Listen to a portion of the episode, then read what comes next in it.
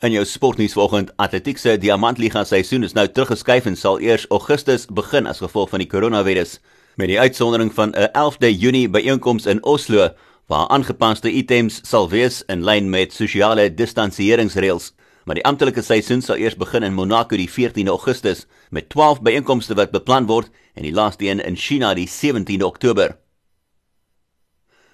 Die Engelse Sokker Premier Liga seisoen mag dalk volgende maand begin agter geslote deure, maar Manchester City se voorspeler Raheem Sterling het gesê hy's onseker hoe dit sal werk. moment we do go back, it just needs to make sure it's at a moment where it's not just you know for footballing reasons. It's safe for you know not just for us footballers, the the whole medical staff, the the referees, and you know um, I don't know how that's going to work, but I feel like once that side of the the people's safety and, and the players' safety is secured and, and their well being is is being looked after, I think you know that's the right time to to go back in. But until then,